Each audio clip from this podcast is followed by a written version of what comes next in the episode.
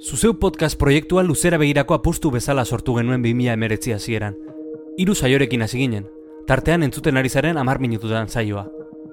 Orain, Euskal Gaizkileak seriarekin laudireko izen ditugun podcastak.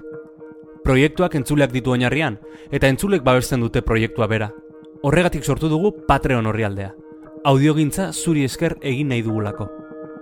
Patreon horrialdean hiru arpidetza mota topatuko dituzu. Aukeratu egokiena iruditzen zaizuna, zuzeu podcast komunitatera batu eta proiektua babesteko. Sartu patreon.com barra zuzeupod elbidera. Hori da, patreon.com barra zuzeupod.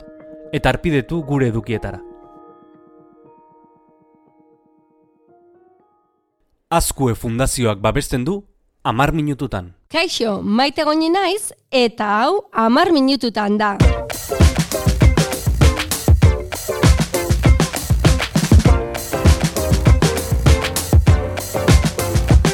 Denbora horretan zure galderak erantzun eta praktika eredugarriak ezagutuko ditugu. Ea ba!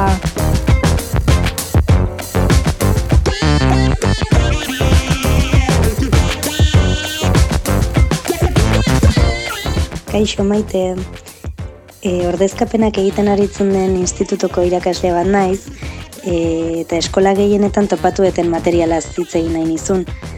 E, bueno, iruditze zait nahiko zarkituta daudela eta gaiaren arabera gainera ba, alde handia dagola. Digitalizatu dituzten liburu askotan ere fisikoan erabiltzen diren dinamikak mantendu dituzte eta egia esan ez diotzen zuen direk aurkitzen ez da koherentea gure formakuntzan berritzaileak izateko esan, teknologiaren aurrerapenean jarrita goteko eta bar, eta gero eskoletan hori topatzea. Ez dakit ze iritzi ezun horren inguruan. Eskerrik asko.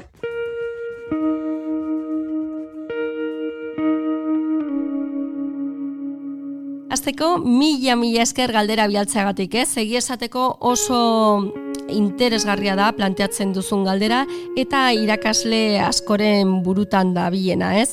Guk sortu behar ditugu materialak, material horiek edo gaur egun digitalizatuta dagoena baliagarria da, e, gure ikaslentzat baliagarria izan liteke, ohituta daude klik egitera, ohituta daude e, bideo asko ikustera, kontsumitzera ikusentzunezkoak. Eta gero guk zer behar dugu? Mm, testu liburuak erabiliko ditugu? Editorialak edo editoriala handiek digitalizatutako testu liburu digitalak erabili ditu, erabiliko ditugu? Edo guk geuk e, sortu behar ditugu materialak ikaslentzat.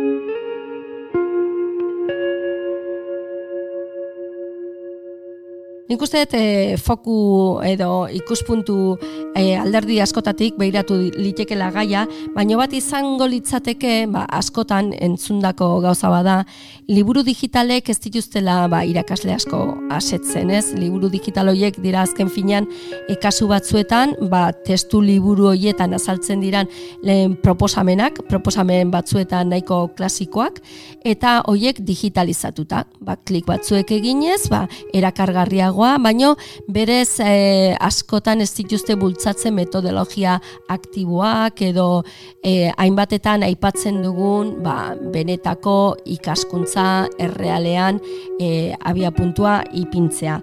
Ordu nor alderdi horretatik, e, eskola batzuk edo badira esperientziak non irakaslek beraiek ba hasten diren sortzen beraien materietarako e, ba, e, proposamenak eta hoiek ba, modu digitalean. Hau da beraien lan proposamenetan baliabide digital ugari bideoak beraiek sortutakoak edo infografiak edo narrazioa sortzeko mm, modu ezberdinak plataforman txertatzen dituzte, baina hor ere badago kontu bat, guk irakasleok dena egin behar dugu edo nola bideratzen dugu hau.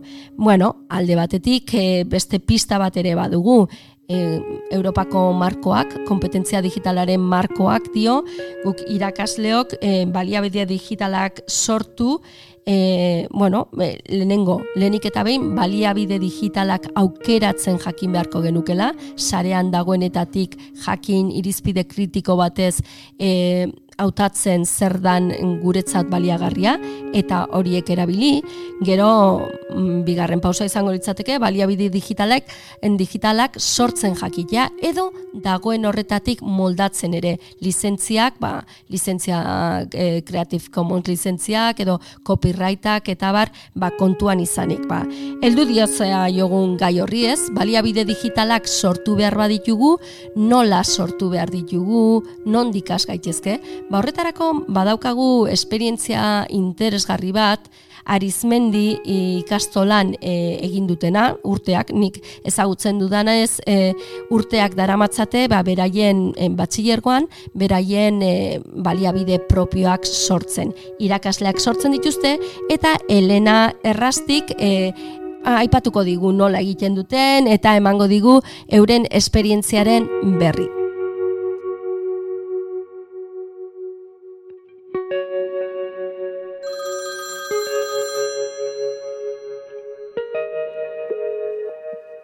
Bai, egunon. Bai, egunon, Elena, kaixo, zemu zaude?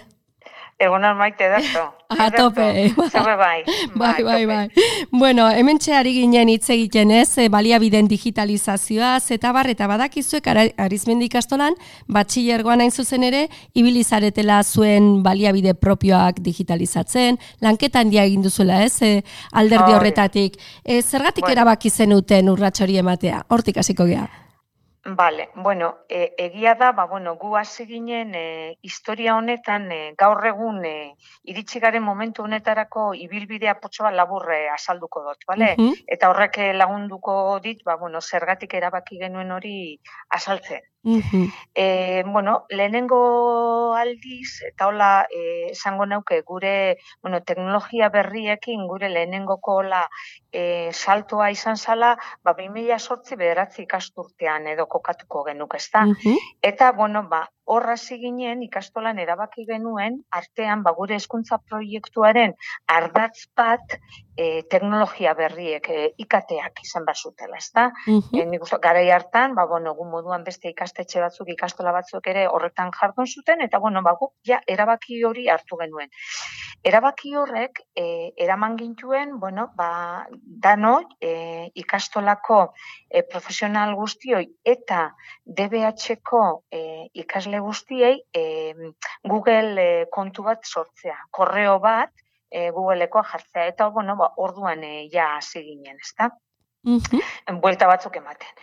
E, bueno, ibilbide horretatik horre provokatu zuen, ba, 2010 amaika garren urtean, ba, irakaslek, ba, bueno, ba, guk e, ja, e, digitalizazioarekin edo teknologia berriekin lehenengoko urratxorraik eman da, lehenengoko kontaktuekin, ba, horre provokatu zuen irakasleen artean behar bat, eta izan zen oso behar, ba, esan degun pedaneoa, ez da? Eta zan, ba, bueno, guk artean beste ikastolak e, bezala ez, geneukan, ordenagailu gela. Eta ordenagailu gela horretan, ba, zeuden hogeta lau, hogeta bost postu, ordenagailu postu.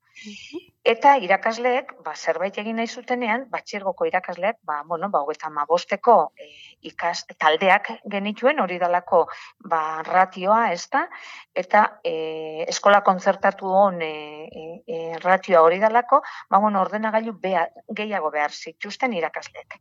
Orduan, e, ba, bueno, ardura pedagogikoa ero genuenok eta ziginen zaten, bueno, zer egingo dugu. Ordenagailu gelatan, ordenagailu gehiago ipini, ala e, irakasleen beharra aintzakotzat hartu eta akaso ez egin bakarrek ordenagailuak ipini baizik eta aprobetsatu momentu hau, ba, guretzako urrats kualitatiboago bat izan gozana, ez da, ba, gure, bueno, ba, eskuntza proiektuaren barruan, eta horretarako aprobetsatu genuen, orduan, plantatu genien, bueno, e, ordenagailu gelak edo informatika gelak zabaldu ordez, zergatik ezin genuen planteatu edo proposatu, bueno, ba, ikasleek bakoitza bere ordenagailua ikutzea. Uh Eta horra ginen, bueno, buelta batzuk ematen. Eta hor, esango nuke, eman genuela, ba, lelengoko jauzi, hola, e, esanguratsuena kualitatiboena, ez da, uh izan zen, ba, 2000 amabi amairu garren ikasturtean. Eta hor, erabaki genuen, ikasle bakoitzak ordenagailu e, pertsonal laukiko zuela, Eta, e, karo, ikasleak ordenagailu aukitzeko familiek ordenagailua finantziatu behar bazuten, ba ezin genien planteatu ordenagailuaren erosketa eta aldi berean testu liburuak erostea, ez? Eta orduan, bueno, ba, guk nahi izan genuen aprobetsatu aldaketa teknologiko hori, ba, aldaketa metodologiko pedagogiko batera. Eta hor, bueno, ba, hori izan zen horregatik esaten dut, bueno, ba, urratz guretzako importantea, ez? Eta orduan, bueno, ba, zer, eh, zer erabaki genuen e, digitalizazio plan horren barruan, e, ba, bueno, batetik hori, ba, e, aprobetsatzea aldaketa ordenagailuak aldatzea guretzako ba beste modu batean planteatzeko ikaskuntza irakaskuntza prozesu hori guztia, ez? Orduan, testu liburuak ordezkatu genituen ordenagailuaz eta horrek ekarri zuen ba, material materiala sortu beharra, ezta? Eta ba, material hori gainera ikasleek bertan lanean jarduteko ba nonbaiten eh, jarri beharra.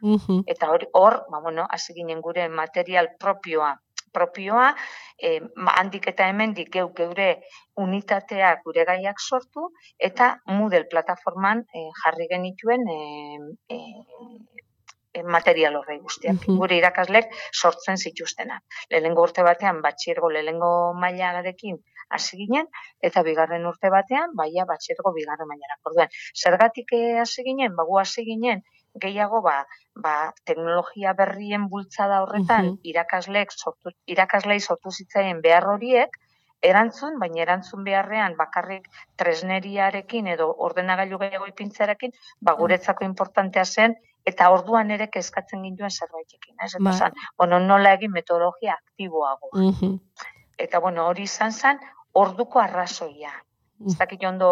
Bai, bai, ederki eta gaina justu horri buruz egon gara hitz egiten, ez? E, e, ba, askotan e, liburuak digitalizatu dira gaur egun, baina horiek ere ez dituzte asetzen irakasleak, ze azkenean ez dira norberaren proposamen edo didaktikoetatik sortutako materialak, edo ah, sortzen dituzuzuk, edo bestela, ba, jan behar dituzu, ba, bestek sortutakoak agian, ba, zure ikaskuntza e, ereduarekin zer ikusirik ez dutenak.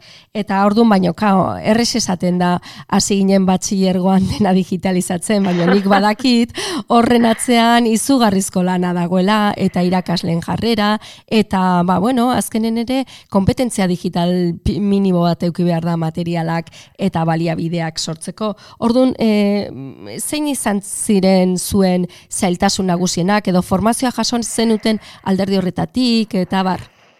Bai, bai, eta hor, hor, bueno, akaso, bueno, eh, ordura arte eta 2000 amairu amalau ikasturtean, amabi amairu ikasturtean egin genuen salto hori bat ziergoan, erantzun dute, maite esaten duzuen horretan, horretara, eta horrengo urtean gainera, etorri zan eki e, ikastolen elkarteak dokan e, proiektu kompetentziala esan daigunez, eki proiektua, eta horrere aukeran eman zitzaigun ikastoloi ba, modu digitalean egin, ala modu analogikoan e, e, e egin, ezta?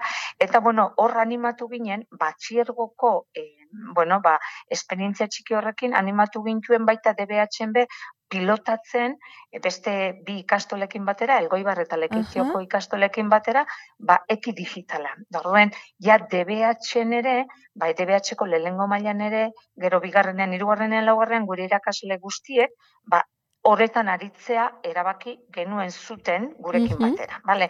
Eta horrek badudabarik, ba batetik eduki genuen ikaragarrezko aukera, ba bueno, ikastolen elkarteak berak ere horretarako formazioa ematen zuelako eta baina ematen zuen DBH-erako eta formazioa zan e, digitala, baina baita metodologikoa, eh, batez ere, eta guk formazio digital hori edo formazio kompetentzia digitala garatze hori gure irakasleekin egin genuen kanpoko pertsonekin, bueno, zuzeu izan ziren bai, Bai, bai, bai, horregatik oso ondo zautzen dut zuen esperientzia, bai, bai.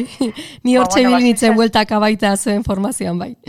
Hori da, bai, eta eske artean, ba, bueno, ez zegoen, ez, pertsona askorik, e, bueno, ba, gure inguruan, gure entornoan, ba, mudelekin eta aritzen sana, zuk esan dozu moduen, ba, materialak, e, bueno, norberak sortutako material horiekin aritzen sana, eta, bueno, ba, horre esan zinen zu, eta, bueno, ba, mudelen gaineko formazioa zurekin jaso zuten, e, batxirgoko irakasle guztiek, ez?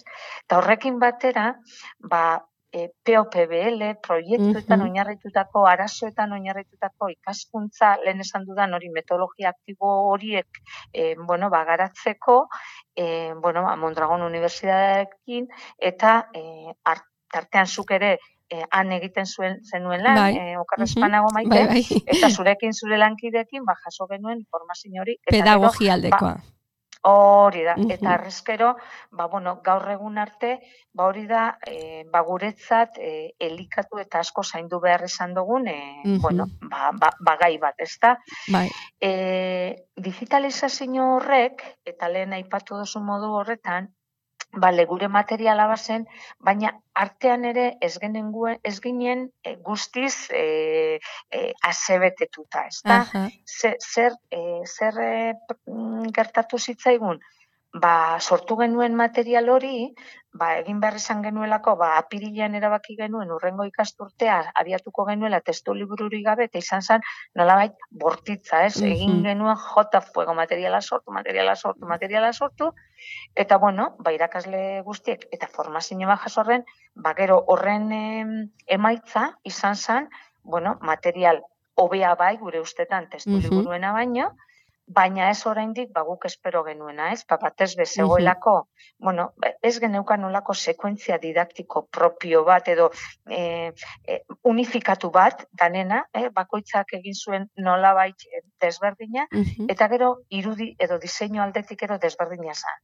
Eta honekin nola zer, zerke lagundu zigun honetan konturatzen edo ze bultzatu zuen, provokatu zuen, ba ekik. Ekik, ba, e, sekuentzia didaktiko bakarra ikasgai guztietan, e, e, diseinu aldetik ere, e, bueno, ikonografia eta erabiltzen dituen simboloak ere laguntzen dute ikasleari eta irakasleari identifikatzen ze jarduera mota da. En fin, bueno, gustatzen zitzaigun, gehiago, eta orduen hasi ginen urrengoko e, faseari esan daigun, ezta? Mm eta urrengoko faseak koinzitzen zuen ikastola konfiantzaren pedagogiaren markoa ja jasota geneukan, aurrezkuntzan ere eraldaketa prozesu batean hasiak geunden, eta e, bueno, basaten genuen e, batxiergoko irakasleak orain ere sortzen, e, behar bat adierazten digute eta behar hori izan bale metodologia aktiboa bai, baina ez da hain esanguratsua, ez da hain e, erakargarria ikasleentzako bai e, badaukagu material digitala baina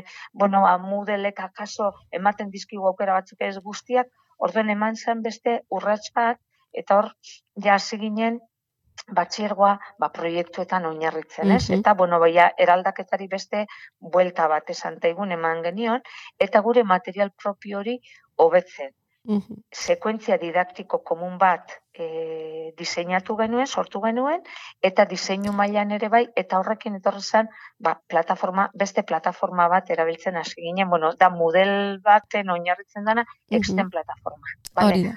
Orden, e, eta plataforma horretan jardun dugu gaur gaur egun ere, ezta? Mm Ba, eh, Elena, bai, bai, bai e, moztu beharra daukeu zepenaz, e, saioa oso oso motza da, eta nik uste dut, baino, alare, uste erabat garbi e, azaldu duzula zuen e, beharroiek eta nola etorri zan digitalizazio prozesu hori nola eramantzen aurrera, eta zergatik, askotan irakasle galdetzen dutelako, baino zergatik egin behar ditugu guk geure materialak eta sortu eta barrez, ba, bueno, ba, e, garbi ikusi da e, pedagogia pedagogiaren eskutik datorrela behar hori ez, ba, proiektu pedagogiko bat aurrera eramateko, ba, askotan beste kanpokoek ez dituztelako sortzen, eta garbi dago baita, ba, gauzak asko aldatzen ari direla, disiplinarteko tasun hori sartzen ari da, orduan lan proposamenak eraldatzen eh, aldatzen ari dira, eta horiek ba, beste behar teknologiko batzuk ere eskatzen dituzte.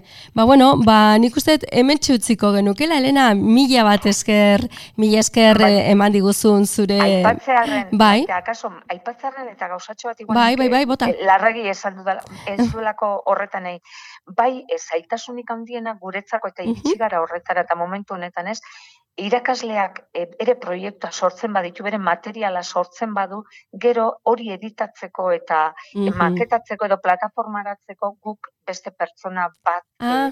batzuk ekarri ditugu. Vale, hori bai da, ibilbidean... E, ikasi duzuen zerbait eta hori oso interesgarria da ze bai. ordun hori erraztu egiten du asko planteamendua. Egiten du Claro, ez bai. bestela denbora asko ematen du bai. irakasleak e, editatzen eta politxo ipintzen nahi baduzu, baina balio nentzia irakaslearena dago gehiago proiektua bai. sortzen, ez bere bai. materiala bai, bai, bai, zalantzari gabe. Eta, bueno, ba, hoxe, maite, ba, Osondo. eskerrik asko. Eskerrik asko zuei. bai. zuei. Beti arte, eta, Elena. Bueno, hori, laster arte. Laster arte, agur, agur, eskerrik asko. Zuri, agur maite.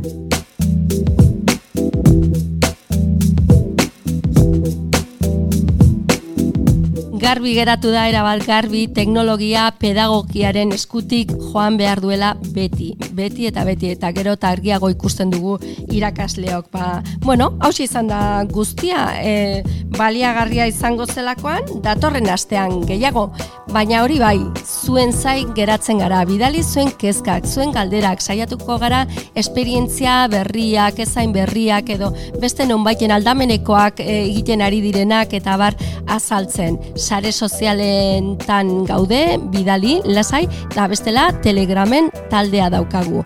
Amar minututan deituriko taldea topatuko duzue, eta bertan ahoz bidali zuen galderak, ba, urrengo saio batean, haiei erantzun ahal izateko.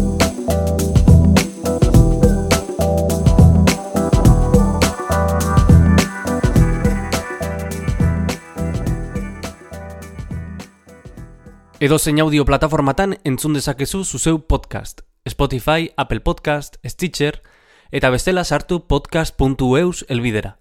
Hori da, podcast.eus. Eta bertan topatuko dituzu ekoizten ditugun saio guztiak.